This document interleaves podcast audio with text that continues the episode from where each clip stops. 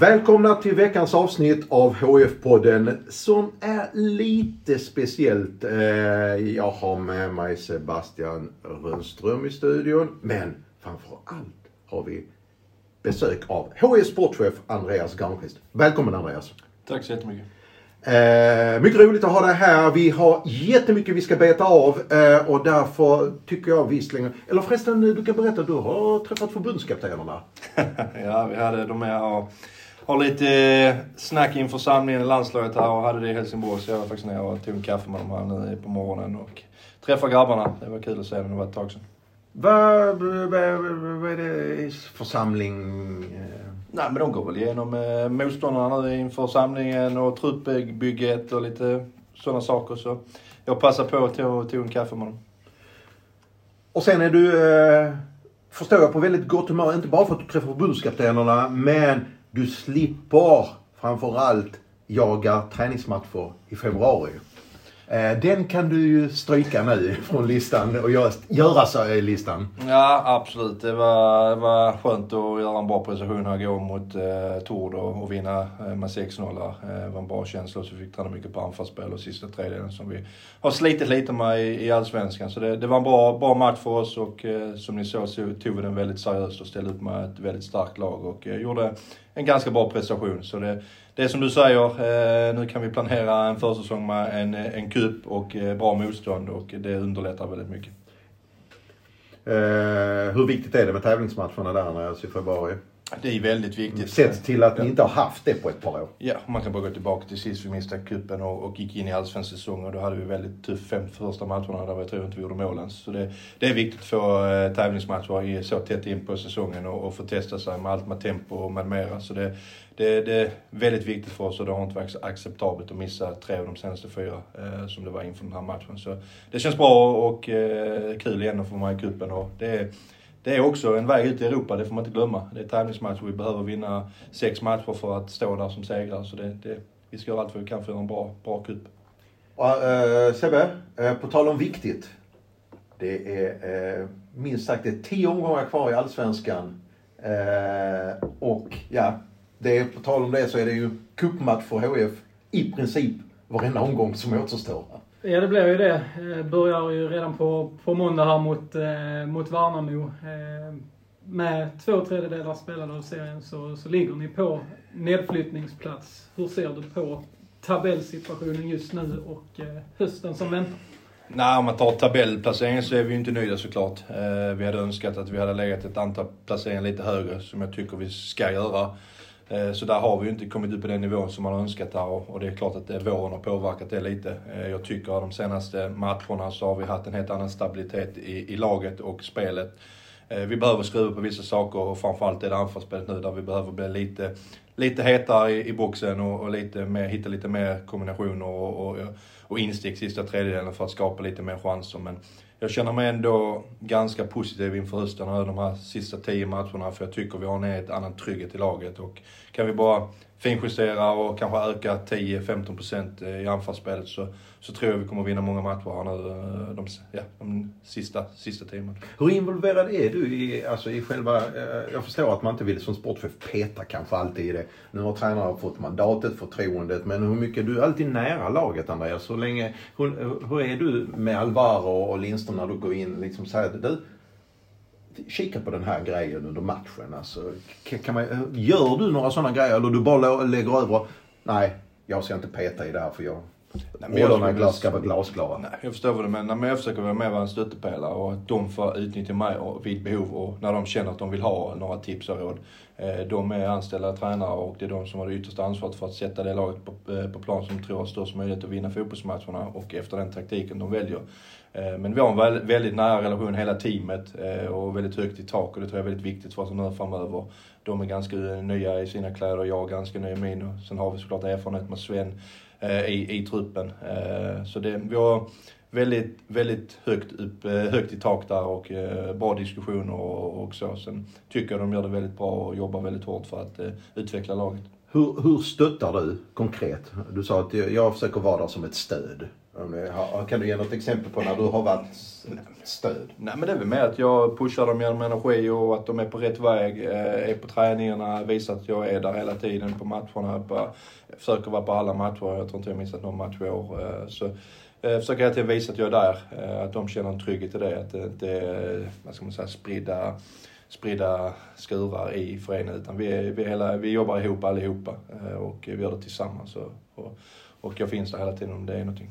Just det här med att du, du är på alla träningar i princip, eh, ser vi när vi bevakar dem. Du är till och med eh, ombytt liksom i, i, i eh, tränarkläder eller vad man ska, ska säga vissa gånger. Eh, hur vanligt är det för en, för en sportchef att vara så inne i den, den dagliga fotbollsverksamheten? Oj, jättesvårt. Eh, jag kan bara gå från egen eh, karriär och det har varit väldigt eh, varierande. Vissa sportchefer är, som sagt med på allt och, vissa är mer eller mindre aldrig på någon träning utan bara kanske kommer på matcherna. Så det, det är väldigt varierande. Men som sagt, det är lite där också när tränarna känner att de har behov av att jag ska, ska vara där. Eller ja, som du sa, jag var ombyggd för någon tränare för de behövde en extra bollplank och bara sätta ut bollar till, till spelarna. Och, Eh, då, då ställer jag upp eh, eh, varje gång så att säga. Men jag försöker alltid ha en, eh, ett bra avstånd till tränarna och spelarna så att de känner att de får den friheten och, och att göra det de vill och, och ska göra. Om vi går till det sportsliga igen Andreas. Eh, nu närmast Värnamo, superviktig match. Eh, är ni nöjda med ett eh, kryss eller är det bara vinster som räknas nu? Vad, vad, vad ser du som rimlig ambitionsnivå under eh, de resterande tio matcherna här?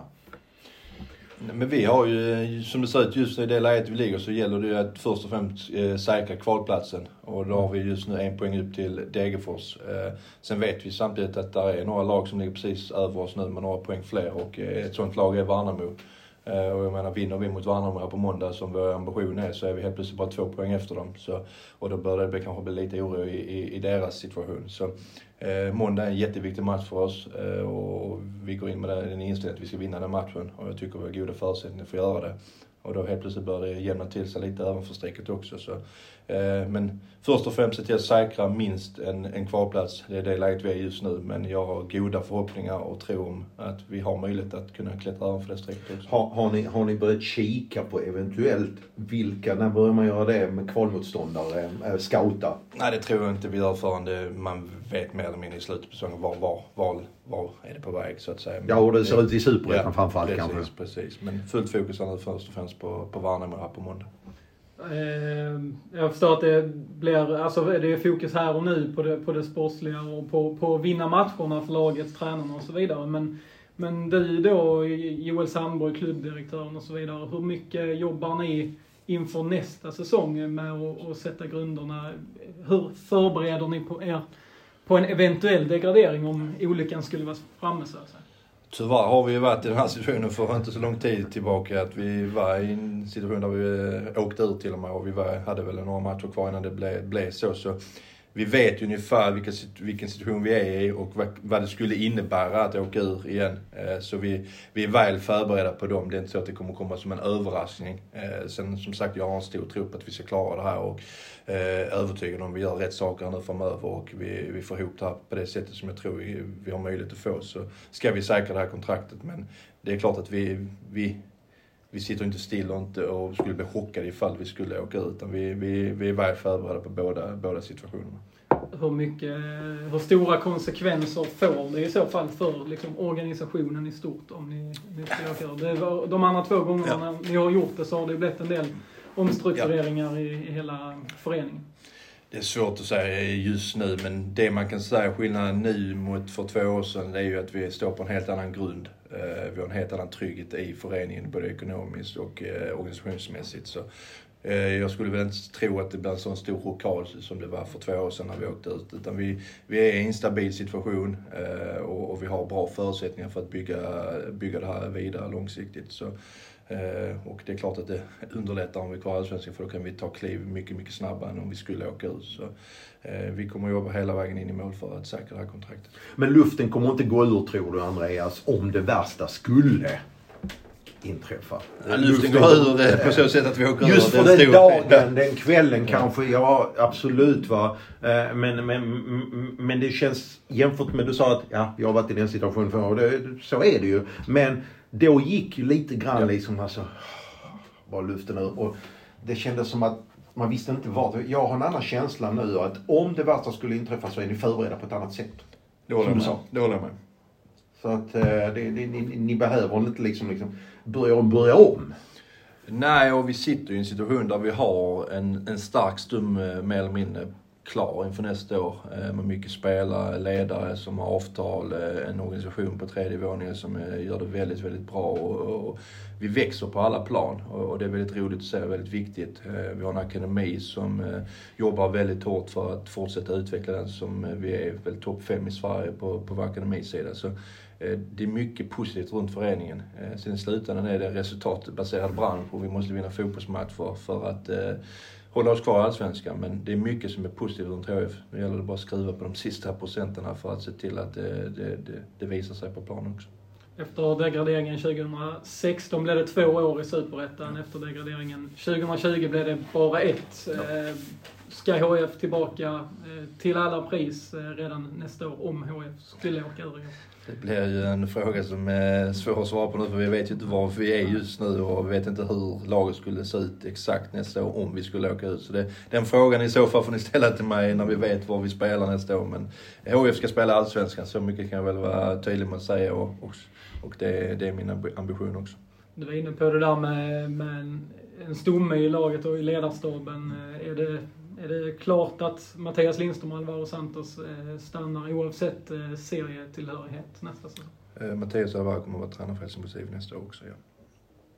Du, men på truppsidan kan det ju hända saker. Hur eh, trygg är du med att du redan har ett x antal kontrakt som gäller oavsett serietillhörighet? Eh, inte en massa outklausuler så att om ni åker ner och så. Vad har, hur, hur, det- hur, hur känner du inför det här att det kan att det inte blir spelarflykt vid värsta eh, scenariot? Nej men jag vet ju, det har spekulerats bland annat av er och andra som en sån Ja. som Rogne. Det, det, det Precis. finns ingen spelare i Helsingborgs IF som har en out i sitt avtal. Så, eh, Eh, det finns spelare som har utgående kontrakt och där är en situation där vi får ta ett snack med de spelarna efter säsongen beroende på var vi spelar såklart. Men det finns ingen som har i sina avtal att skulle vi åka ut så får de lov att lämna. Utan de spelarna som har avtal har avtal med Helsingborgs IF nästa år också. Och det är, eh, som, du säger, som du säger också, ett x antal redan. Eh, är du nöjd? Är du, är du trygg med det som du har redan i kontraktsväg? Ja, men På det plats. Tycker det tycker jag. Och det har ju blivit nu en del förändringar och eh, bygget fortsätter och det är ju levande hela tiden. Eh, vi har ett antal spelare som är på utlåning som har utgående kontrakt. En viss spelare som har lämnat som hade utgående kontrakt. Så eh, vi börjar ju få form i truppen och börjar känna mig väldigt trygg i att vi börjar sätta det på plats. Eh, sen kommer det hända saker såklart men jag känner att eh, var vi än befinner oss nästa år så har vi en, en, en, en stark stomme att bygga vidare på. Om vi går lite snabbt igenom lagdel för lagdel Andreas. Du har ju på målvaktssidan har du ju Kalle Joelsson då. Eh, det är ju klart ju. På kontrakt. Eh, och sen har ni ju eh, Alex är utlånad va? Alexander Nilsson utlånad eh, sista året. Eh, Och Nisse. Lindegard eh, utgående kontrakt och sen har vi Nils på avtal. Så, så den, den, den känns ganska ändå så att ni har under kontroll menar jag, den lagdelen. I år har vi under kontroll, sen får vi se hur det ser ut nästa. Backlinjen, där har du ju liksom eh, en eh, stabil pjäs i Rogne. Ja. Som eh, är kvar oavsett vad som händer. Och, sen har vi, där har vi Widell så också på kontrakt va? Stämmer Davidsen. Davidsen har ett avtal nästa år. Och vad vi Reinhold, Reinhold. Suljic, Emil Hellman, Charlie Weber. Alla sitter väl på kontrakt. Ja, och så har eh, du Blixt också som är skadad som kommer tillbaka. Ja. Ja, det enda som hade väl utgående avtal eh, var Ravisuka som vi sålde i backlinjen om inte jag är helt snett på det. Där är du rätt så bra klädd, känner du? Eller, sen kan du alltid känna att du vill göra små justeringar, som du säger, skruva på saker. Så är det ju alltid och det är alltid svårt att spekulera nu vad som ska hända inför nästa år med tanke på det kanske är vissa spelare som kan vara intressanta för utlandet. eh, Som eh, sån som Kasper Odell som är väldigt ung och gör det väldigt bra just nu. Eh, Och så där kommer ju säkert hända några saker här efter säsongen och, och, och såklart beroende på vad vi spelar. Men just nu sitter vi på många med avtal på, på försvarsspelare. Och mittfältet har vi sen då? Eh, just nu eh, Lu- Lukas Lingman är utlånad, Adam Kajed är utlånad, men båda har ju kontrakt med, med HIF eh, även framöver. Och sen så, eh, så finns det ju, Aqua. Aqua har väl också kontrakt. Aqua har väldigt långt Ja. avtal.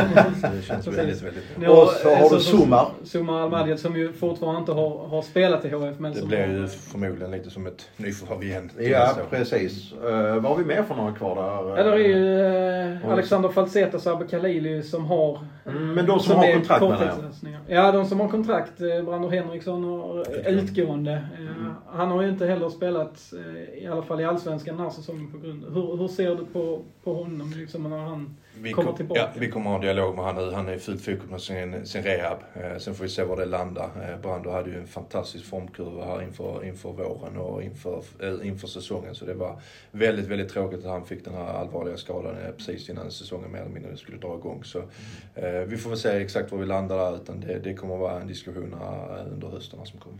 Och, eh, och så har vi Alexander Falsetas och som är uh, Abbe. Ja. Kan Diego eh, Fumacha också. eh, Lån. Just det. Lån. eh, Hur, Med köpoption. eh, Ja. ja. hur ser du på den trion annars?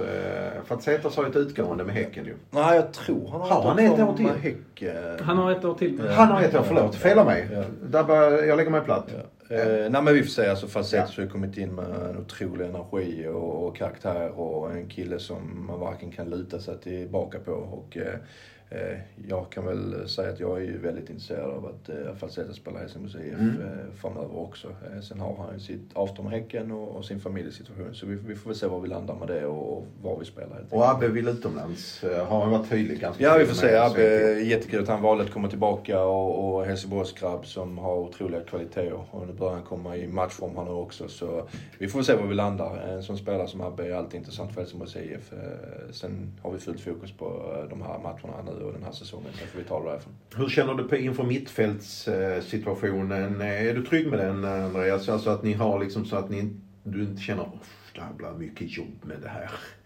Nej, det, som sagt, det är väldigt svårt. Han har precis stängt ett fönster. Men eh, det är klart att eh, där finns vissa positioner och, och där vi kan förstärka. Och sen får vi se. Vi vet ju inte riktigt vad som händer med Falsetas och Khalili, om de är kvar eller ej eh, i dagsläget. Så, eh, men vi har ju en trygg linje med Suma som vi hoppas är tillbaka i, full form eh, här i förhoppningsvis slutet på säsongen och sen inför nästa säsong. Sen har vi ju Benjamin på avtal, vi har Lukas Lindman på långt avtal. Så där finns ju ett mittfält där vi har eh, Adam kommer tillbaka, vi har Rasmus Jönsson på, på avtal. Så vi har en del spelare. Sen eh, vill vi alltid försöka spetsa truppen såklart om vi hittar rätt eh, spelare och rätt förutsättningar. Och Andreas Landgren, Landgren. han är både mittfältare och backspelare. Han har ni också på avtal ju. Precis.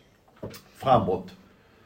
Ja, Rasmus Jönsson eh, har väl avtal ett år till, precis som Andreas Landgren, eh, trotjänarna. Eh, Taha Ali, Willem Löper, eh, Dennis Olsson, Amar Musin och Arjan Kabashi eh, sitter väl på avtal. Och så är det då Wiedersheim Paul och Amoako som, Ja. som är på lån. Eh, just Amoako där. Och Al Hamavi.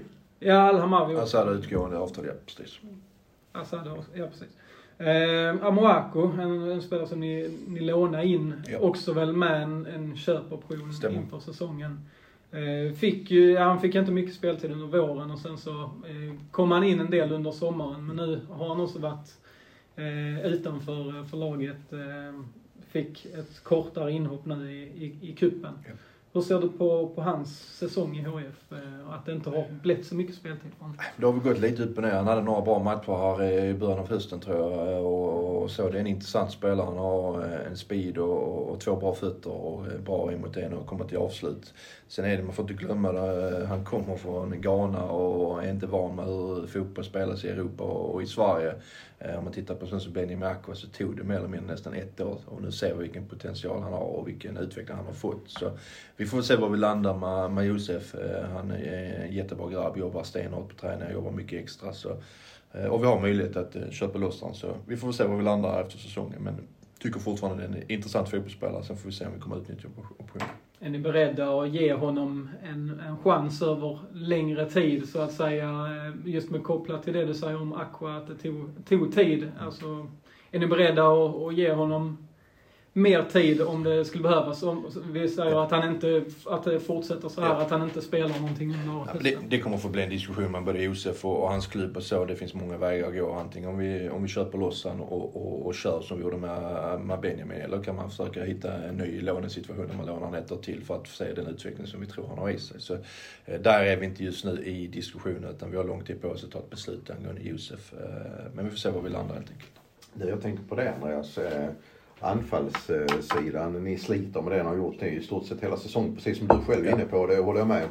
Eh, försökt olika vägar att lösa, ni har verkligen jobbat med Ja. försöka hitta lösningar. Eh, och så känner man någonstans, tittar man då på dem, eh, de som ni konkurrerar med runt omkring, liksom, ta till exempel då Värnamo som ni ska förhoppningsvis ta er förbi.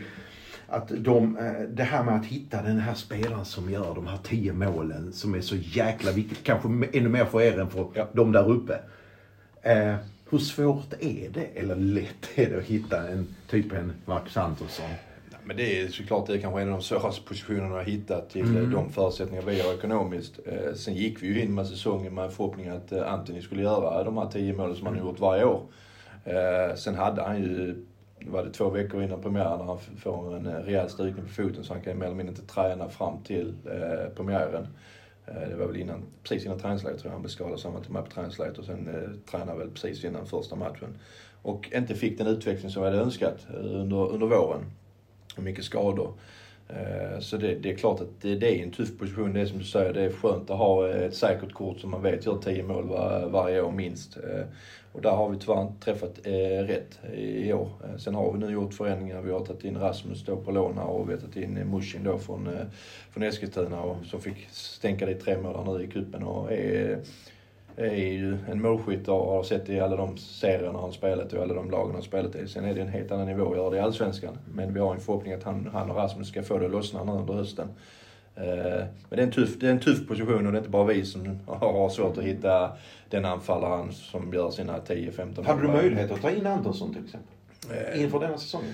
Det vet jag inte om vi hade men eh, vi, vi, gick, vi hade ju Antoni van den Hurk som, vi, som var kapten och som vi trodde på. Och, och, och vi spelar med spelare som har en forward och forward. ta in en Andersson då. Mm.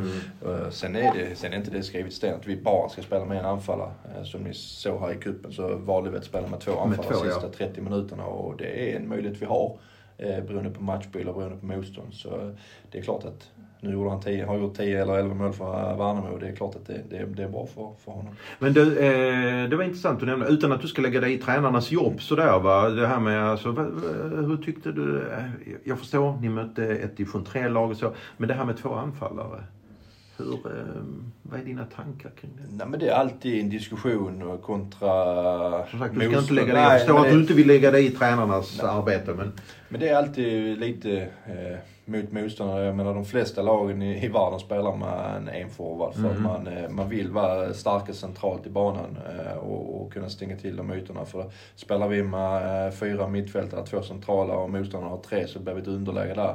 Sen kan man alltid svänga på forward, spela med en tia i försvarsspel och två anfallare i anfallsspel. Så det går alltid att hitta lösningar på det. Sen ska du hitta två forwards som är vana att spela ihop och, och kan hitta en, ett bra samarbete. Men det är därför det var intressant att se lite igår här 30 minuter mot ett visserligen ett sämre motstånd men det finns också att då kan vi kanske hitta någonting annat som vi inte har gjort under, under våren. Att skruva lite på det inför hösten och vissa matcher kanske spela med två forwards. Så, så vi får se vad som händer. Hade du önskat det här med att ha, alltså inför för framtiden Andreas, det här med, det är också ganska vanligt eh, förekommande det här med taktisk eh, flexibilitet. Att kunna spela på olika sätt.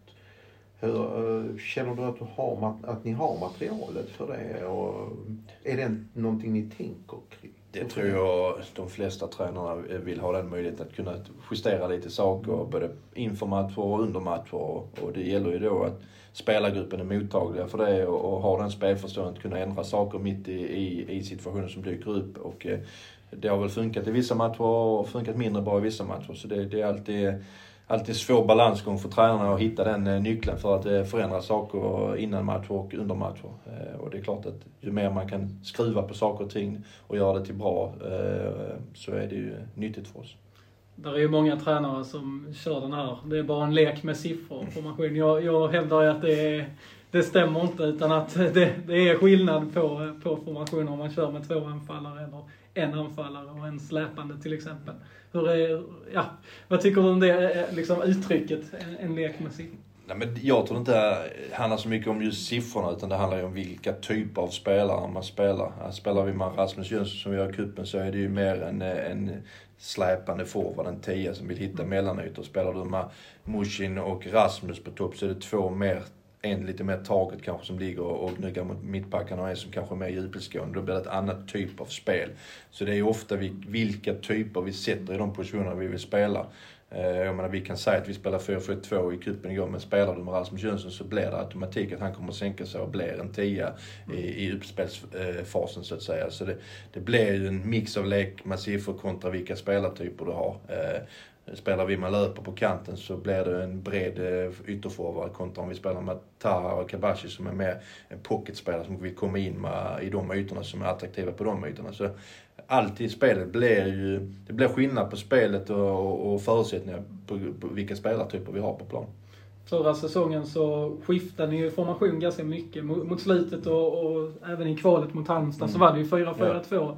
Eh, I år var det klart besked mm. från början att det mm. skulle vara 4-3-3 eller 4-2-3-1. Mm. Varför är det rätt väg att gå för, för HIF? Jag tror om man tittar långsiktigt, om man tittar på de klubbarna som har nått ganska bra framgång, och då behöver vi inte titta på de största men vi kan titta på lite mindre, danska och holländska de här, så är det de klubbarna som har haft en långsiktighet i, från akademin hela vägen upp i A-lagsverksamheten och spelat på ett liknande sätt som ofta når framgång på lång sikt. Eh, och vi har ju haft en, eh, olika tränare, vi har haft olika spelsystem, vi har haft förändringar eh, i A-truppen, hur vi, hur vi agerar kontra hur vi har haft kanske lite i akademin där vi har haft ganska röd tråd hela vägen från våra, våra 16 upp till 19. Och, och jag kände och klubben kände och diskussioner med akademin och tränarna då som kom in inför förra året att det är rätt väg för HF nu att hitta ett system som passar hela föreningen. Sen finns det alltid en flexibilitet i en A-lagsverksamhet för det är ändå resultatet som är det viktigaste. Och, och vissa matcher behöver du förändra systemet och spela på ett visst sätt för att vinna just den matchen. Men jag tror långsiktigt är det, är det bra för föreningen att ha eh, ett system som går genom hela, hela föreningen och det blir en röd tråd det. Och det är också enklare för akademispelarna att komma ut på A-laget för då spelar man på ett ungefär likadant sätt och det blir inte en lång väg för att komma in. Och också när vi varvar in spelare att vi vet, ja men de här positionerna behöver vi och det här krävs att spela i, i HF. Så den här grunden eh, som ni har lagt nu Andreas, ser du framför dig. Så länge du är kvar så blir det detta eh, grunden. Sen som sagt var så kan man ju göra avsteg från det här. Va? Men grunden kommer att vara kvar så som det ser ut nu än forward, alltså utgångsläget. Ja, alltså det är som sagt, grunden finns där. Ja. Eh, men det är inte så att om Alvaro in som säger att nu mot Värnamo vill vi spela med två forwards. Ja, ja. Så knackar jag på dörren och säger nej, det får ni inte göra. Nej. Utan det är tränarens ansvar Precis. att spela på det sättet de tror bäst för just den matchen och vinna. Eh, sen tror jag långsiktigt att det är bra att vi har ett system som går genom hela föreningen. Eh, men det finns flexibilitet i det. Det gör ditt jobb lättare att varva in också ja, pusselbitarna alltså, till menar, någonting istället för att tänka tvärtom. Så är det såklart. Vi kan, om vi nu vill spela med en forward kan vi inte ha fyra nior i truppen. Eh, ja, och så ja. har vi tre som sitter på bänken eller på läktaren. Utan då, då har vi två forwards så måste vi ha fyra spelare i anfallare i truppen. Så det blir ju hela tiden en dialog med tränarna och när vi sätter trupperna och hur vi bygger, bygger truppen. Det gör ju också att du kan bortse från vissa namn som du känner liksom att eh, det är en jättebra fotbollsspelare men förmodligen passar han inte vårt sätt att spela. Istället för att försöka, ja men vi kan få honom, ja, och då får vi knä in ja. honom, liksom trycka in honom Precis. i ett system där han kanske liksom, det, det är för stor risk med Ja men så är det och det är lite som du säger att vi kan ju hitta en jättebra fotbollsspelare men han kanske är van att spela en trebackslinje. Och så spelar vi inte Med wingbacks och grejer. Mm. Och då blir det, ska vi försöka förändra han eller ska vi helt plötsligt byta spelsystem igen? Så det, jag tror det är väldigt viktigt att vi, vi har en linje vi tror på. Sen kan den linjen justeras lite genom att vi kan gå fel någonstans och lite, men att vi ändå har en tro på hur vi vill jobba i föreningen och, och gör det långsiktigt. Mm. Det, det, är lättare att plocka in en spelare som kanske har lite sämre kvalitet men passar in precis i det ni vill göra. Precis, för då kan vi utveckla honom eh, och göra honom till en bättre fotbollsspelare. På tal om att plocka in eh, spelare så eh, har det ju varit en hektisk sommar. Åtta spelare som har kommit in i laget och, och 12 eh, spelare som har lämnat. Det är 20 skiften totalt. Hur, hur ser du på den stora eh, som man ändå får säga att det har varit? Nej men absolut och det är många, vissa spelare som har blivit skadade som har gjort att vi har blivit tvingade att eh, agera. Eh, vi har ju åkt på rätt många långtidsskador här och senast var det Charlie och eh, Lange och Dennis lite tidigare eh, och som gjort att vi har agerat ju på de positionerna. Eh, sen har vi sålt två spelare som hade utgående avtal som vi kände att vi fick en bra deal som vi ville gå vidare med. Och vi hittade ersättare, eller vi hade ersättare mer eller mindre på plats innan vi sålde dem.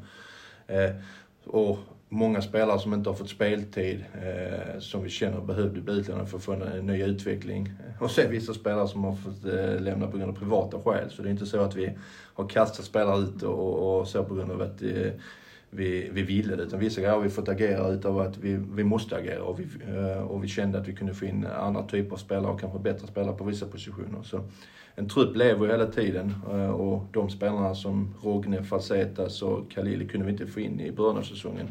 Eh, fast vi kanske ville redan ha in dem då. Så det, det är vissa saker som sker under säsongen som man inte kan förutse och sen behöver vi agera efter de, eh, de förutsättningarna. Om man då eh, kollar dels till hur vårsäsongen var rent resultatmässigt och då kopplat till allt som har hänt under sommaren. Hur ser du på, på liksom vinterns truppbygge? Är du självkritisk där till, till hur det blev? Gick ni, gick ni fel så att säga någonstans eh, i eh, det är klart att man måste vara självkritisk när vi ligger under strecket eh, efter halva säsongen spelad och under våren.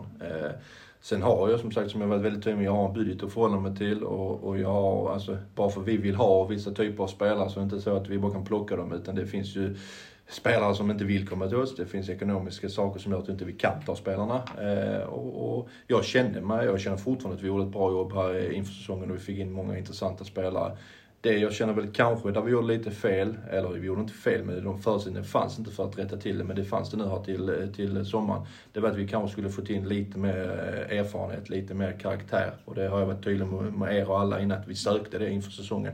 Men de spelarna fanns inte lediga, eller de kom inte in inom ramen för vår budget. Eh, och det gjorde de nu här i somras, och det är därför vi agerar väldigt tydligt med Rogne och Facetas och eh, Abbe Khalil nu senast. Eh, så det, det är alltid jag vill också ha de bästa fotbollsmännen som kan göra att HF tar de kliv vi vill. Men jag kommer inte riskera ekonomin utan den, är, den hänger alltid med oss. Och det, jag, vet, jag och Joel är väldigt tydliga med att vi kommer alltid jobba efter HFs bästa men ekonomin måste få, få följa med det. Det här med att eh, den långsiktiga strategin Andreas, eh, eh, eftersom vi är inne på det nu, lite strategitänk och så. Men det var, ni, värvade, ni var väldigt tydliga i det här med att ungt och säljbart ja, ja. ska det vara. Och sen har ni fått korrigera i truppen. Eh, hur, hur, hur, hur, håller ni fast fortfarande vid att den här strategin med ung och säljbart är ett sätt för HIF att gå fram? Ehm, tror ni fortfarande på den fast ni har kanske fått lämna den lite grann eh, 100 procent och, och, det är egentligen det, det som är, om du ser skillnaden nu, om du ser en sån som Kasper Widell, eh, han har fått sitt lyft eh, och han har fått en Rogne sig just nu som har hjälpt han kanske eh, att växa. Att han känner den tryggheten den när, när Solis tyvärr blev skadad. Samma med eh, Benjamin Aqua. Han har fått en facett att bevisa sig som gör att han helt plötsligt är en helt annan fotbollsspelare. Så jag tror att det här är också en mix av att få de här yngre killarna att kunna växa av att de känner att det är en trygghet med spelar runt omkring sig. Jag är övertygad, så som Khalili kommer göra, att Kabashi, Rasmus, Mushin och eh, Taha, de här kommer växa eh, under hösten nu med tanke på att de känner att de har en, en så bra spelare runt omkring sig som kommer hjälpa dem. Så hitta den här mixen av lite äldre spelare och ha yngre eh, utvecklingspotentiella försäljningar runt omkring sig. Det kommer vara nyckeln för oss. Eh, och det kunde vi tyvärr inte få in här i, innan säsongen. Eh, vi varvade in eh, väldigt intressanta spelare i Lukas Lindman, Taha med flera.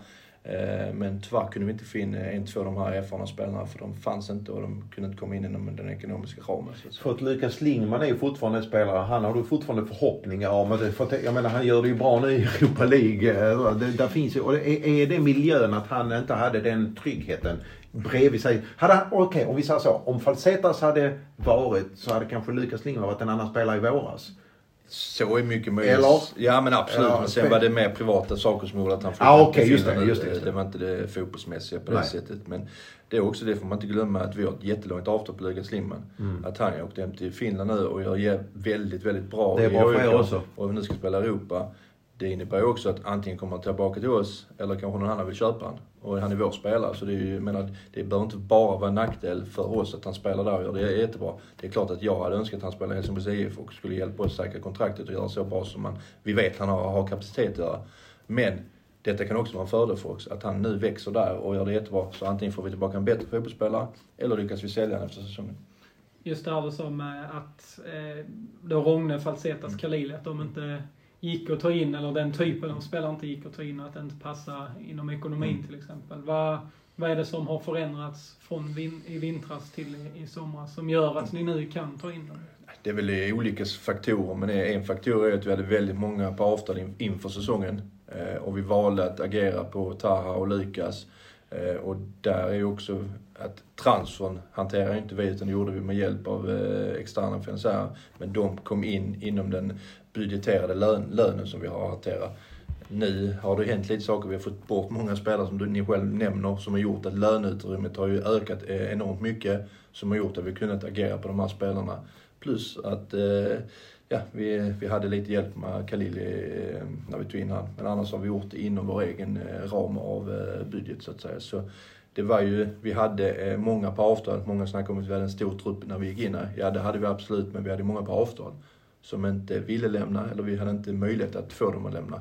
Eh, Men det, det, det öppnade upp sig nu här i sommar och det har ju också gjort att vi har kunnat agera på de här spelarna. Hur funderar man kring längden på kontrakt? Det är, det, spännande du säger det att man kan... Det, är- det är inte det svårt? Det är jättesvårt. Det liksom, hur ska jag skriva ett tre år? Eller ska jag skriva ett, det är ingen som vill skriva korta kontrakt för alla vill ha ju trygghet. Alla spelare och äh, agenter vill ju ha så bra och långa avtal. Det, det är alltid en mix. Många yngre spelare vill ha på så långt avtal som möjligt för då finns det kanske den största eh, försäljningspotentialen. Men samtidigt har du en agent som nej men vi har inte skrivit på så länge för han vill ju vidare och då är det svårare att bli såld om vi har långa avtal.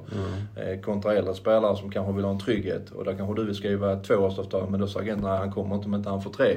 Så det är alltid en förhandling och, och vissa gånger går man rätt, vissa gånger går man fel, vissa gånger kommer fans och media säga varför skrev ni inte längre med han? Eh, och vissa kommer säga varför skrev ni inte kortare med han? Så det är alltid, det är alltid en balansgång och, och ibland träffar du helt rätt, ibland träffar du lite fel. Och det är därför vi måste jobba aktivt med spelarna. Och, och det lyckas vi med nu här i sommar så att vissa spelare eh, hittar nya klubbar eller nya miljöer både på utlåning och försäljning. Eh, och det, det är ett tufft jobb och, och vi, vi, vi kommer alltid respektera de avtal vi har med våra spelare. På tal om att respektera avtal så måste det vara åt andra hållet också. Mm. Eh, och där har vi hela soppan med Anthony van den Hurk. Ble, ble, ble, blev du överraskad över att det utvecklade sig som det gjorde med honom? Ja, Kring det där det måste också. jag säga absolut. Jag har ju som sagt haft en väldigt bra relation precis. med Anton under hela hans Det tid vet jag att du har haft. Och, också. eh, Jag har alltid vetat hans ambitioner och han hängde med oss ner i Superettan och hjälpte oss ta tillbaka. Och, och, Eh, vi var nära en förlängning där. Eh, det blev inte riktigt och sen har vi alltid jobbat aktivt för att kanske hitta en lösning här eh, under sommarfönstret. Men jag var väl överraskad att det gick som det gick under den, den perioden. Utan han, visste om att jag jobbade väldigt hårt för att hitta en, en, en ersättare till honom innan jag kunde släppa honom.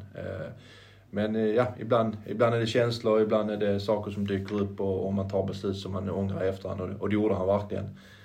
Men det är ingen feeling mellan mig och Anton utan... eh, jag Har ni hört sen han flyttade till Ja, jag Har ni hört? Jag har bara skickat och kollat läget så. Men jag önskar han all lycka där och han är värd det där. Eh, Sen kan man tycka att det kunde skett på ett annat sätt. Eh, om man tänker eh, just eh, nyförvärven och eh, allt, allt som har hänt runt om i, eh, i sommar. Eh, ni har även eh, ja, innan fönstret öppnade gjorde ni ett tränarbyte. Ja. Med, med facit i hand, höll den truppen som ni hade från början eh, för, för Allsvenskan? Om du tittar tillbaka liksom och, och väger in allt som Ja. har hänt under... Ja, men det är jättesvårt att säga för nu har vi inte den truppen här eh, som vi hade i våras. Vi har en del kvar, eller många kvar, men vi har en del nya. Så det, det kan vi bara spekulera om det hade hållit om vi hade kört hela vägen ut. Men det är klart, vi agerar ju för att vi ville spetsa till truppen eh, och, och ge dem ännu bättre förutsättningar för att klara kontraktet. Eh, och det gjorde vi inte bara i truppen, alltså spelartruppen, utan vi har gjort i ledartruppen också med, med Max och eh, Magnus Winter då, som har kommit in också. Och sen såklart lyft vi upp Alvaro. Så vi har ju hela tiden jobbat hårt för att hela tiden ge dem de bästa förutsättningarna. Eh, och det är som jag säger, det är klart, hade vi haft en Facetas och en Rogne och en Kalili när vi börjar våren och, och kanske en frisk Brand och löper så kanske vi inte hade varit där vi är. Men så är det. Det händer saker i, i en trupp, det händer saker under en försäsong och, och, och så. så det, eh, jag hade gärna haft den truppen som jag har idag kanske i våras också. Det är inget snack om saker för jag tycker vi har en bättre trupp nu än vad vi hade i våras. Men om vi hade klarat oss kvar eller ej, det, det, det, det är en hypotetisk fråga. Det var intressant, du nämnde att ni har förstärkt organisationen kring laget, inte bara tagit in spelare och det är också jätteviktigt i dagens fotboll. Uh, ni, uh, jag vet om att du har varit ganska tydlig med att uh, du skulle vilja ha uh, förstärka på scouting-sidan. sånt. Hur funkar det idag med scouting? Hur jobbar ni där? Hur har ni olika ansvarsområden och ja, vad ingår i det scoutingarbetet? Nej, men det blir ju, eh, eh jag ska inte säga sportgrupp, men vi är, vi är ju ett antal folk som jobbar stenhårt för att eh, eh stärka laget hela tiden. Och, och, och eh, vi har ju hjälp av Hasse och, och Micke Dahlberg från akademin. Vi har en tränargrupp då som eh, jobbar också aktivt för att om det dyker upp alternativ. Sen har jag ju, eller föreningen har ju folk ute som hjälper oss. Och det som jag sagt, det finns Vem då till exempel? Behöver vi inte gå in på namn. Men det, det, det finns ju folk... Det gamla HIF Ja, precis. Det finns ju folk med stort HIF-hjärta. Bosse Nilsson, Reine Almqvist Bosse. Det är mycket möjligt. Det finns eh, folk med stort HIF-hjärta som inte alltid tänker ekonomiskt. Och, så, sen finns det kanske folk som också får en liten slant med tanke på om de dyker upp några, några intressanta namn för oss. Eh, men det är klart, eh, långsiktigt så är inte detta hållbart eh, och det vet jag om och det har jag varit tydlig med från början. För jag har extremt mycket andra saker än att jag kan bara titta på fotbollsmatcher och både på Wisecout åka och titta på matcher. Utan jag har andra arbetsuppgifter också som jag behöver ta hand om. Så eh, ambitionen är ju att vi ska få in en scout här till nästa år eh, på heltid som eh, ja, förstärker teamet. Har den process, rekryteringsprocessen börjat? Den är väl inte aktivt börjad. Eh, jag har som sagt, vi har ingen budget klar inför nästa år. Eh, men jag kommer ju vilja ha en scout på plats nästa år. Det är min då Joel och min styrelse som kommer att kunna säga om det finns förutsättningar för det eller ej. Men det är min, min ambition att vi ska få in en, eh, en scout nästa år. För ni hade till exempel Adil, med, med all respekt för de med stort HIF-hjärta som hjälper dig idag Andreas, så kanske det kan vara skönt med att komma in någon som inte har någonting med klubben att göra, som kommer in med fräscha ögon. Är det, är det den bilden du har i huvudprofilen så att säga på scouten. Vilken profil ser du framför dig? För mig handlar det inte om den HIF eller en icke HIF. Ja. För mig handlar det om en människa som vill eh, vara med på resan med HIF och, eh, och eh, vill jobba eh, 24 timmar om dygnet mer eller mindre och verkligen brinner för det här jobbet och brinner för HIF. Det är de människorna vi måste ha i föreningen och det tycker jag vi har på alla positioner. Eh, alla kommer till HIF med ambitionen att vi ska bli bättre eh, och det tror jag är nyckeln för vår framtid. Att, att alla har ett stort eh, engagemang och stort hjärta för föreningen. Önskenamn, har du något där? Jag kan ta det. Där är några chansen att sälja in dig. Bra. Kan vi ta de bästa ute i Europa? City verkar ha någon bra scout, så vi tog in Haaland kan vi ta han. Ni, eh, nu pratar vi om scout här. Eh, ni har även tagit in en idrottspsykologisk rådgivare i Magnus Winter. Kan man vänta sig några andra liksom, nyrekryteringar till eh, ledarstaben inför nästa säsong? Eh, eller är det scout som är högst prioritet? Ja, scout är högst i prioritering utan tvekan. För jag tror att ska vi kunna ta nästa kliv och kanske hitta de här eh, kornen eh, tidigt för att kunna sälja och också erfarna. Det är kanske lite enklare att hitta en Falsetas och Rogne till namn, men det är svårare för dem på plats. Men hitta de här spelarna som kanske inte någon annan riktigt har hittat ännu, som har en 17, 18, 19 där som det finns en stor potential. Men går det idag Andreas, att hitta de här? Alltså det känns som att eh, alla har koll på alla. Jo men det tror jag. Jag menar jag tror det är lite nyckeln för svensk framtid om man tittar nu. Jag tycker vi börjar eh, komma långt efter Danmark och, och Norge om man tittar både klubbfotboll men också landslagsfotboll. Eh, det var länge sedan ett svenskt landslag förlorade så enkelt mot Norge som vi gjorde. Utan vi, börjar, vi börjar komma lite efter och det tror jag är de flesta är övertygade om. Vi ser hur svårt vi har att komma ut i Europa eh, med vårt klubblag. Eh, så jag tror att vi behöver bli ännu bättre på att få våra 16, 17, 18 att bli redo för att spela Allsvenskan i tidig ålder för att sen kunna ta ytterligare kliv. Eh, så det, de finns där. Jag var själv 18 år och ordinarie i Helsingborgs IF och eh, så det, det, det gäller att jobba ännu hårdare och våga satsa på dem. Men de ska såklart vara, vara tillräckligt bra. Är det förbjudet att låna från Malmö FF? Spelare? Eller ta spelare från Malmö FF? Ingenting är förbjudet men det är väl lite, lite tufft att göra det, tycker jag. Just du var inne på det, den här åldern 16, 17, 18, 19. Ser man utvecklingen i Europa så är det ju ofta spelare i den åldern som går för de stora summorna. Ni har ju själv sålt ja. Armin Gigovic ja. till exempel.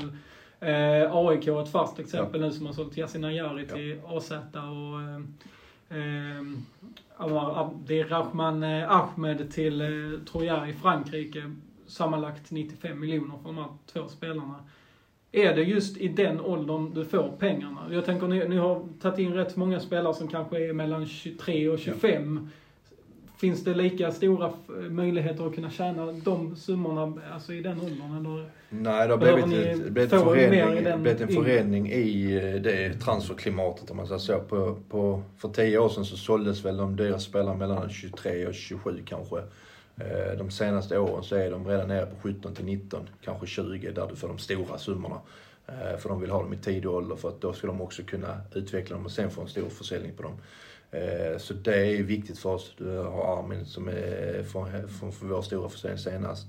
Så du, du behöver komma ner i den åldern om du vill tjäna de stora, stora pengarna i transfer. Sen tror jag fortfarande det finns en stor försäljningspotential i spelare som är 22 till 26, men det är en mindre summa.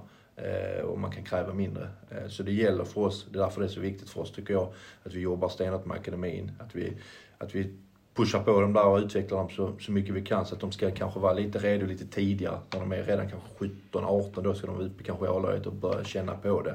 Nu är vi ofta de sista årskillarna som är ute och tränar med oss och, och får chansen. Utan vi kanske ska ta ner den nivån ett, två år till, att de ska redan vara klara när de är 17, 18. Och då krävs det, krävs ett hårt jobb och kanske få dem att spela i samarbetsklubbar tidigare för seniorfotboll när de är redan 17 år eh, i division 1 och sen därifrån ta nästa kliv. Men sen kan ni hamna också, Anna, det, det, det här måste vara svårt. Det är intressant men det här måste vara svårt för att ja, det är jäkligt lätt att matcha fram en 17-18-åring om du är etablerad i Allsvenskan och alltid vet att men vi ligger eh, fyra, femma, sexa, sjua. Vissa år ligger vi ännu bättre. Det är ett sätt. Ja. Men att hamna i det läget som HIF har gjort de senaste 5-6 åren när man står och pendlar, eh, står i hissen mellan Superettan och Allsvenskan. Är det lätt då att man väljer bort den här 17, eller att det blir till, men att det blir svårt. Det är en annan svårighet i HIF att få fram en 17-18-åring att spela än i Djurgården till exempel. Det är kanske inte svårt att få fram dem. Nej, det inte kan få vara fram svårt att satsa på dem med tanke på att vi inte riktigt vet var vi, var vi ligger just i tabellen. Hade vi legat en 7-8 en säker plats då hade vi kanske kunnat slänga fram en, två till. Eh, Men sen samtidigt är vi duktiga på att låta våra killar få chansen. Och det har vi visat under de senaste åren. Eh, Men det, det är en balansgång och sen, det är ju, alltså i, i slutändan är det ju upp till spelarna att när de väl får chansen så får de ta den. Sen om det är en match eller om det är fem matcher de behöver, det är alltid en balansgång från tränare till spelare och vilka typer av karaktärer de är. Men i slutändan, är de tillräckligt bra ska de spela, men de måste vara tillräckligt bra och de måste ta chansen när de får den. För spelar de tre, fyra matcher och de inte gör bra prestationer och vi förlorar, då är vi i en situation där vi kanske ligger i botten och då är helt plötsligt är det en annan stress. Eh, vi gick in med en väldigt ung trupp i år. Jag tror det är den yngsta matchtruppen någonsin här eh, för någon matchen. Eh, Eh, Och då, då kände vi att vi var tvungna att agera lite och få in lite mer erfarenhet och hitta den balansen. Eh, Och det, det är väldigt svårt för jag vill, jag vill helst spela med alla akademispelare och eh, bygga det därifrån och att vi lyckas med det. Men, men det är väldigt svårt. Ett annat problem där är ju att alla har så bråttom i den åldern. Eh, och kommer du med i A-truppen, då ska du i princip, och det är tryck från agenten och föräldrar och alltihop att du ska spela. Eh, hur jobbar man? Eller hur, hur, hur är den situationen idag? Eh, du behöver inte ens gå tillbaka till det, men har det blivit värre på den fronten att de har bråttom i den åldern? Eller ännu äldre, lägre kanske, 15-16-åringar ska, men jag ska. Jag ska. Ja, men jag tror nog lite att de förväntar sig bara för att de har kommit upp på A-laget så ska de helt plötsligt vara ordinarie. Att de inte... För det har de ju varit i P17, P19. Ja, och att det är en stor skillnad att spela 19-fotboll eller division 1-fotboll till att spela en allsvensk fotboll. Och du behöver verkligen jobba hårt och jobba extra och, och vilja jobba och lyssna på de äldre spelarna och, och som har den erfarenheten. Så det, det är en väldigt eh, stor mix. Jag tycker Kasper Well är ett jättebra exempel på att han jobbat hårt. Han har haft lite motgångar när han kommit tillbaka och gör det jättebra. Så det gäller, gäller att jobba väldigt hårt och, och inte ta någonting för givet. Eh, och, och fötterna på jorden och lyssna på sina tränare, lyssna på sina, de äldre spelarna. För eh, det, finns, eh, det finns stora möjligheter att lyckas i Helsingborgs IF som ung spelare. Vilka, du har nämnt Kasper Widell, vilka fler spelare ser du framför dig som eh, ni kan sälja för, för bra summor eh, i truppen idag? Vi har väl en del måste jag säga, men de som jag tror det finns störst eh, potential att få mest pengar av så skulle jag säga att det är Kasper Widell, eh, Benjamin Aqua och eh, Tahar just nu, eh, skulle jag väl säga. Och jag skulle väl säga att den jag tror kommer förhoppningsvis bli en jätte, jättestor försäljning för Helsingborgs IF skulle jag säga att det är Benjamin Aqua som jag tycker har extremt unika egenskaper och har utvecklats på ett väldigt, väldigt intressant sätt den senaste tiden. Och fortsätter han under hösten på det han har börjat här nu så tror jag att det är många klubbar som kommer vara intresserade av honom. Har han en bra rådgivare? För det är också populärt. Du sa att ja, han har haft jättefin utveckling men nu gäller det också liksom att ta rätt steg. Mm. Han, har, han har bra rådgivare. du, eh, jag tänkte på det. Jag, eh, hur viktigt är det att ni säljer spelare? Jag tror det är jätteviktigt och det är ju inte bara viktigt för oss utan för de flesta klubbarna i Sverige utan vissa, vissa fall. Men eh, jag tror ju att det det är en, en, en, snabb väg för oss att få bort allt det som finns kvar. Eh, nu är det inte jättemycket vi betar av varje år här, men det finns fortfarande en liten ryggsäck som vi behöver få bort för att kunna stå på den. Ja, men, där är ju såklart eh, Resursbank som är en del mm. och så. Sen är det ju som sagt den sista vi har nu, men det är ingen ryggsäck på det sättet utan det är mer en, en hjälp skulle jag säga på ett bra sätt. Men det är vissa saker, vissa åtaganden som vi har. Mm. Som kan vi få bort dem och då helt plötsligt börjar det gå snabbt där och, och komma på rätt sida med allt med ekonomin och så. Så vi är inte långt borta. Jag tror vi skulle behöva en, en till kanske två hyfsade försäljningar. Sen är vi på helt på Pratar vi 10-15 miljoner? Nej, lite, lite mer skulle jag säga. Dubbla ja. det kanske. Sen tror jag att vi kan stå rätt så säkert på egna ben. Men, mm. och det, det tror inte jag är en omöjlighet med den, den truppen vi har. De spelar. Sen är det såklart det är stor skillnad att spela allsvenskan kontra superettan med ja, ja. priser och, och nivåer på våra spelare. Så det, därför är det extremt viktigt också att vi spelar allsvenskan nästa år. Det är också, eh, om man tänker förhandlingsläge och så. De klubbarna, AIK som vi nämnde ja. och, och Djurgården ja. och, och sådana klubbar som säljer med, för väldigt stora summor eh, har ju en starkare ekonomi än vad HIF har. Hur mycket påverkar det när, när ni liksom kan, ska kräva en, en summa för, för spelare? Det är väl klart att det kan påverka till, till en viss del. Eh, Sen har jag varit väldigt tydlig med att vi kommer inte rea ut våra spelare längre, eh, som det kan ha varit eh, innan. Utan vi vill ha bra betalt för de spelarna eh, efter vad de presterar och efter avtalslängd. Och vi har nu en ekonomi att vi kan säga nej om inte vi tycker buden är tillräckligt bra. Sen är det alltid en balansgång och vad styrelsen känner och Joel såklart så. Men vi har alltid en bra dialog. Men det kommer inte bli några spelare som vi släpper på grund av att vi är tvingade på grund av ekonomin. Utan vi är så pass trygga nu och står så pass starkt att vi kan säga nej till bud som inte vi tycker är tillräckligt bra.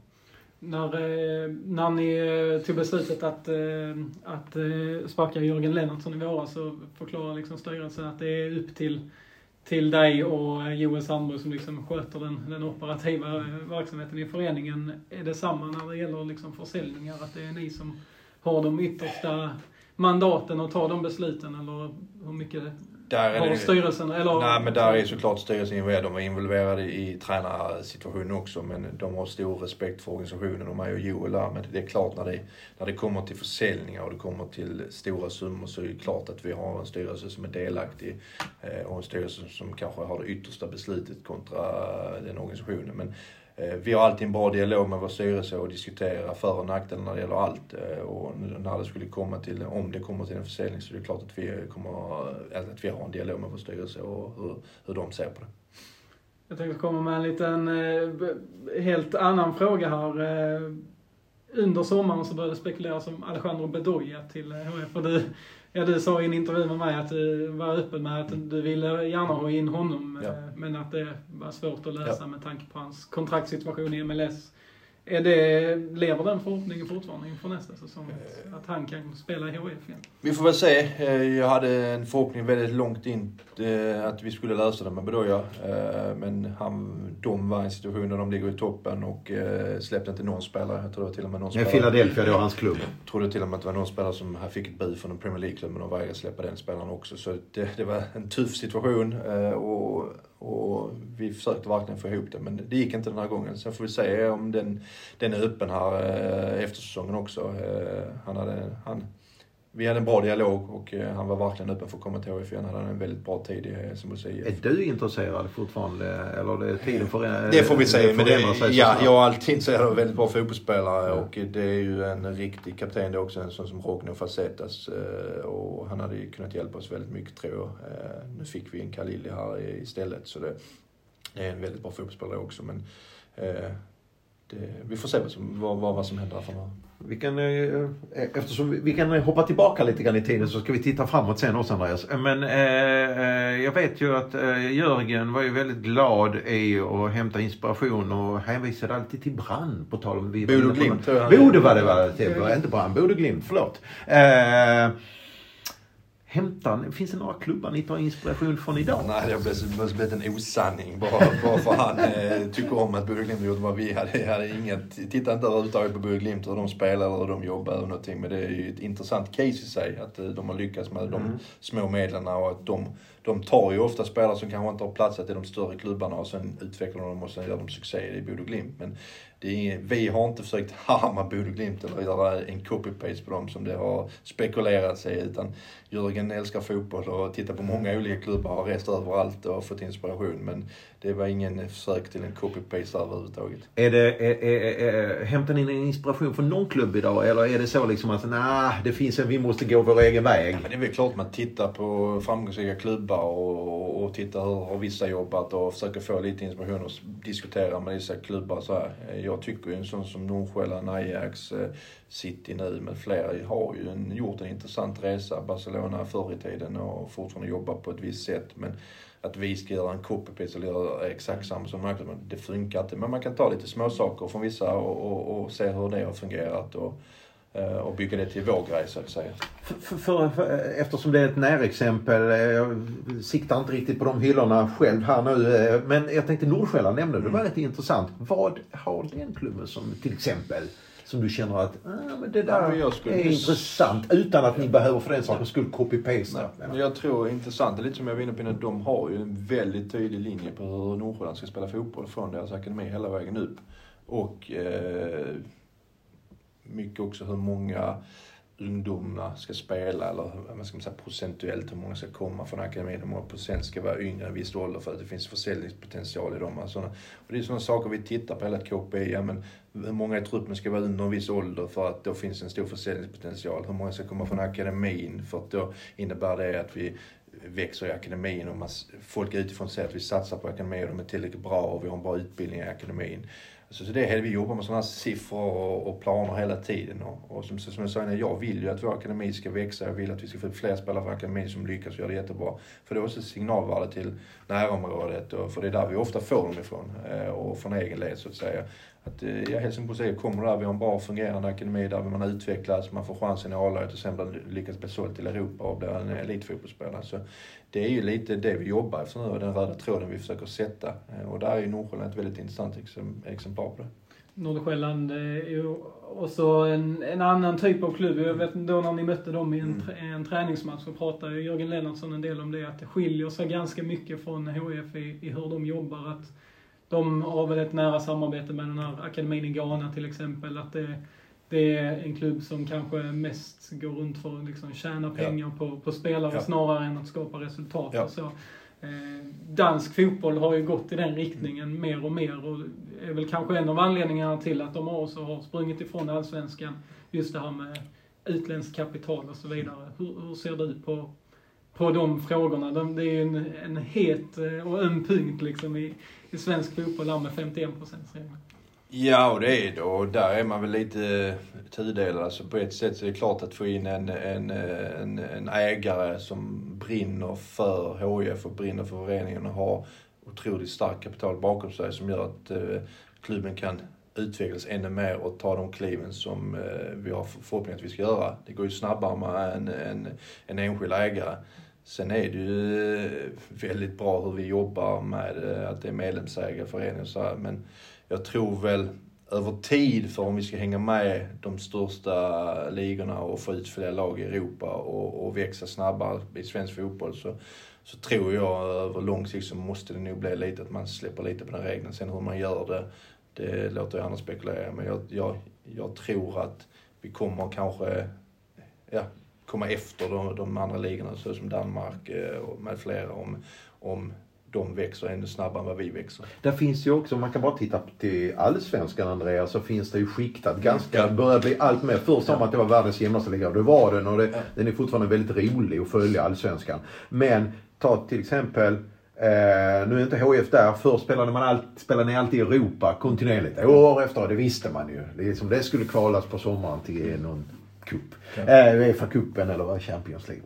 Men idag så är det ju faktiskt en, eh, eh, en, en viktig del av de här, till exempel, nu tog Djurgården nästa kliv. Gick in i den här nya cupen Conference. Och det, det är en bra peng man får där också. Och Europa, du behöver inte spela Champions League. För det är jättesvårt att ta sig dit idag. Men Europa League, Malmö, Djurgården, Conference League. eh, Är, är, är det lite stressande och, ä, att se att vissa klubbar här i Allsvenskan drar ifrån vad det gäller kapital och Nej, jag tror det är väl nödvändigt på visst sätt att, eh, att vi får ut eh, lag i Europa och att, ja såklart, det, det blir, kommer det Men hur gynnar det er att eh, Djurgården, vilken, liksom, nu, vi nämner inte Malmö för de har ju så pass Nej, stort men kapital med, att, De drog in, vad är det, på Conference League när de går in där är det 50 miljoner jag eller något sånt där. exakt På- vad det Men det är en bra peng för att veta att det har vi redan till nästa säsong.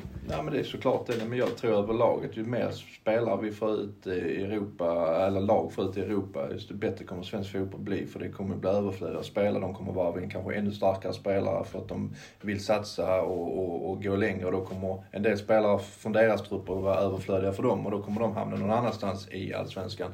Istället för att de ska gå till Danmark eller någon annanstans så plockas, plockas de av, av de klubbarna som kanske ligger lite under just toppskiktet så att säga. Så att, att vi får lag som spelar Europa och, och att vi f- får en starkare ekonomi i svensk fotboll. Det tror jag bara eh, Det kommer gynna HIF kommer gynna eh, svensk fotboll, och klubbarna och landslaget. Tror du det är möjligt för Sverige att närma sig de andra europeiska länderna och fortfarande hålla kvar vid det som alls, alltså, allsvenskan är så känt för, liksom det här med närheten mellan supportrar och, och eh, klubbar och...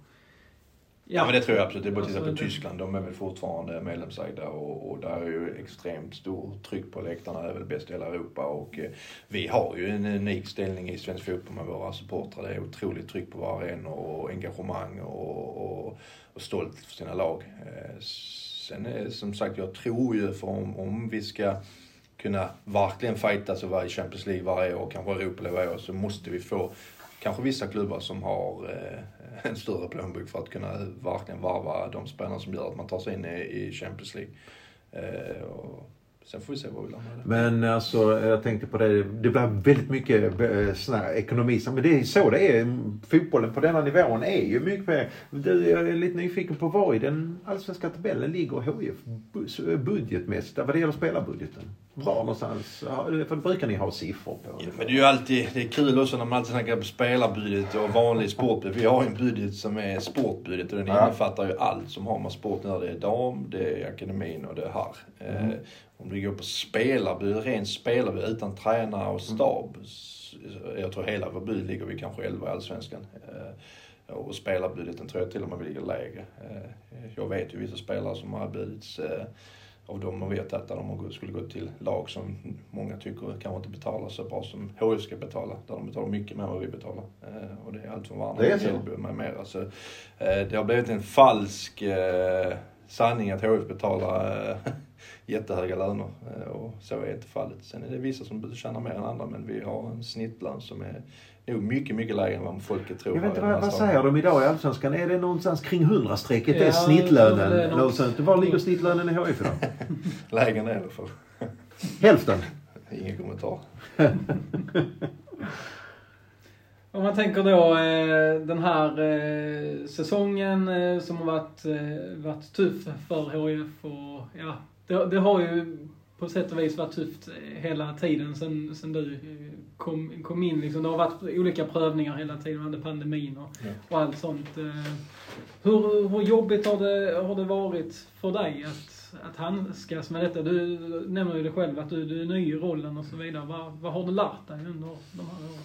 Det går i vågor. När vi vinner fotbollsmatch var livet bra, när vi förlorar fotbollsmatch var det sämre. Och sen på det hade vi en skada som inte fungerade som jag önskade när jag väl kom hem. Jag hade ett halvår som var fantastiskt när jag kom hem, 18. De gick upp på Allsvenskan. Sen var det en tuff 19 där med skadan började på försäsongen. Sen var det ett helvete hela vägen fram till jag slutade. Så det, det, fotbollsmässigt var det klart tufft. Eh, sen när jag väl kommit in i sportsförhållanden till i början när jag väl spelade och var sportchef så var det väldigt jobbigt. Det, det, det blev inte som någon av oss hade önskat tror jag. Det var, det var, det var för många, många saker att hålla, hålla igång så att säga. Och det var allt från träffa sponsorer till eh, media till försöka hålla sig frisk till att kolla spelare och stab med mer. Så det, det, det gick inte. Det, det, det, det fungerade inte som någon av oss hade önskat. Sen nu när det väl blir 100% sportchef så tycker jag att det börjar kännas bra. Jag börjar sätta strukturen och vi börjar få ihop det på ett sånt sätt som jag tror jag önskar och som föreningen vill. Eh, och det är mycket positivt från THF. Om man tar bort resultatet och där vi ligger så är det mycket som görs bra i föreningen just nu. Eh, men som jag sa innan, det är vi är en resultatbaserad bransch och vi, vi måste börja vinna fotbollsmatcher eh, och ta oss över det där strecket. För då tror jag vi har extremt goda förutsättningar för att eh, växa väldigt snabbt och, och ta de kliven som vi vill. Men för egen del, så, som du säger, det är klart jag lär mig hela tiden. Eh, jag har mycket på mitt bord som kanske inte många andra sportchefer har. Eh, jag sitter med allt med admin, jag sitter scouting, jag sitter spelare, tränare, allt runt omkring. Samtidigt ska jag vara, träffa nätverk och dittan och dattan. Så jag tror många andra klubbar, kanske inte de minsta, men de har i alla fall någon som kan sköta admin. Eh, det är jag som gör det i HF med alla papper som ska in och fram och tillbaka och dittan och dattan. Så det, det tar mycket tid. Eh, men samtidigt tycker jag det är väldigt roligt och eh, jag lär mig hela tiden och, och, och, och utvecklas. Både som person och som sportchef. Så det, jag brinner verkligen för detta fortfarande. Så, så förhoppningsvis får vi se, eller vi får se vad som händer framöver. Va, är det någon, något speciellt som har liksom förvånat dig eller chockat dig under, alltså som du inte var förberedd på att det skulle liksom ingå i jobbet? Någonting ja men det är väl admin. Ja men det är väl mycket att det är mycket mer saker runt omkring än att bara se till att få en så bra eh, sportlig grund att stå på. Allt från då tränare, eh, medicinska spelare med mer. Utan det, det är så mycket annat som kommer till som man kanske inte hade räknat med när man väl gick in i det. Eh, och det är det jag behöver lära mig och det har jag gjort nu de här eh, månaderna, åren, eller vad är det, ett halvt år nu. Eh, så jag lär mig hela tiden och, kan planera det bättre så, men det, tar väldigt mycket tid eh, som inte jag hade tänkt att det skulle ta vissa saker. Eh, eh, och sen vill jag samtidigt också vara närvarande på träningarna och matcher och ditt och natten. Och då blir det ju, då försvinner det mycket timmar där när jag är där och sen får jag göra det på andra tider. Om det så är sena kvällar på Olympia eller jag gör det hemma. Det, man får försöka hitta, hitta tiden. Du kom ju hem för att vara spelare, men samtidigt som du presenterades som spelare mm. presenterades du också som framtida sportchef. Mm. Var det liksom självklart där och då? Är det fortfarande självklart att det är liksom sportchef du ska vara, så att säga? Ja, just nu är det så. Sen får vi se vad framtiden har, har för sig här, men eh, eh, just nu trivs jag jättebra i den här rollen. Eh, sen tror jag några år framåt så kommer jag nog kunna vilja vara kanske eh, ännu närmare laget och spelarna kanske och, och bli en tränare. Eh, sen får vi se om det blir så. Eh, eller det blir något annat, eh, någon annan karriär. Men just nu trivs jag jättebra i, i HIF och som sportchef. Och det som jag har sagt väldigt tydligt att jag är inte här för egen skull utan jag är här för föreningens skull och för HIFs skull. Och den dagen eh, Joel eller styrelsen eller ja, de som tar besluten tycker att det är dags att göra någon förändring så kommer inte jag stå i vägen utan eh, det, det är upp till föreningen och besluten när, när de tycker det är dags att göra en förändring. Du Andreas, om vi ska ta kring frågor här vad HIF är, eftersom vi är inne på att titta framåt här nu om eh, vad, och, och, vi säger nu att ni klarar kvar i Allsvenskan. Vad måste hända, förutom att ni, du vill få in liksom vissa roller, eh, fylla eh, med scouten och mm. sånt, anställa. Vad måste hända för att HIF ska ta nästa kliv och etablera sig just som ett mittenlag? Vi har ju varit inne på det, jag vet jag har pratat med dig innan, liksom, att det finns både Sirius och Mjällby och sånt där. Kan de så måste ju HIF med sina muskler, sina fanbase, eh, sin stadion och så. Det måste gå att kunna eh, bli det där stabila mittenlaget till att börja med. Vad måste hända? Jag tror personligen tror jag inte vi är långt därifrån. Utan vi behöver börja få det, det sista att stämma överens. Och det är såklart eh, spelet. Eh, att spelarna utvecklas i den, den linjen vi vill. Eh, få in en scout som kan hjälpa oss ytterligare spetsa till eh, truppen och, och, träffa ännu mer rätt på, på spelarna in. sen har vi alla andra förutsättningar. Vi har fantastiska... Kanske inte byta tränare så ofta? Nej, det är såklart det är också viktigt att, att, att tränarteamet fungerar med spelarna och att vi får de utvecklande resultat som vi önskar. Så det vi, ja, där vi är nu kontra vi var för tre, fyra år sedan när jag flyttade hem så tycker jag vi är långt, långt längre fram eh, i den processen. Eh, vår akademin mår bra, dam mår bra, eh, här mår bra förutom resultaten. Organisationen mår bra där uppe. Vi gör ett jättejobb där uppe som gör att vi kan ta de kliven vi önskar. Så, jag tror att förutsättningarna att etablera oss, om vi klarar kvar, kommer att vara väldigt, väldigt goda. Vad, vad skulle du säga är, man pratar om en klubbidentitet oftast, man kan peka på det Stockholmsklubbarna har en identitet, Göteborg, Göteborg, Blåvitt har en identitet. Vad skulle, vad skulle du säga är HIFs identitet idag? Oj, det var en svår fråga. Nej, men vi vill vara en klubb som ja, har klubb en god relation med närområdet. Att vi blir stadens lag igen som vi var för många, många år sedan. Att eh, folk tycker det är roligt att komma till Olympia. Man känner en tillhörighet till föreningen, till staden.